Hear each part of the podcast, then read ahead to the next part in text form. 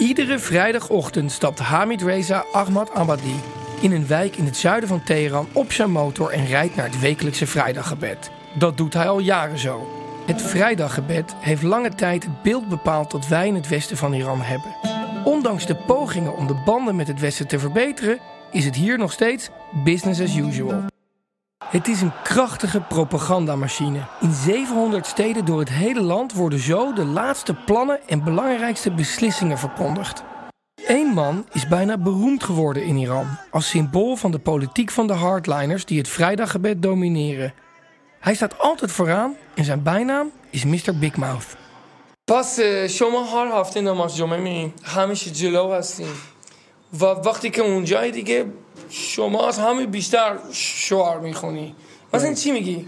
ولی وقتی که من این می‌بینم دیگه من فکر می‌کنم این آقا متنفر چیزی هستش شما متنفر آمریکا هستی؟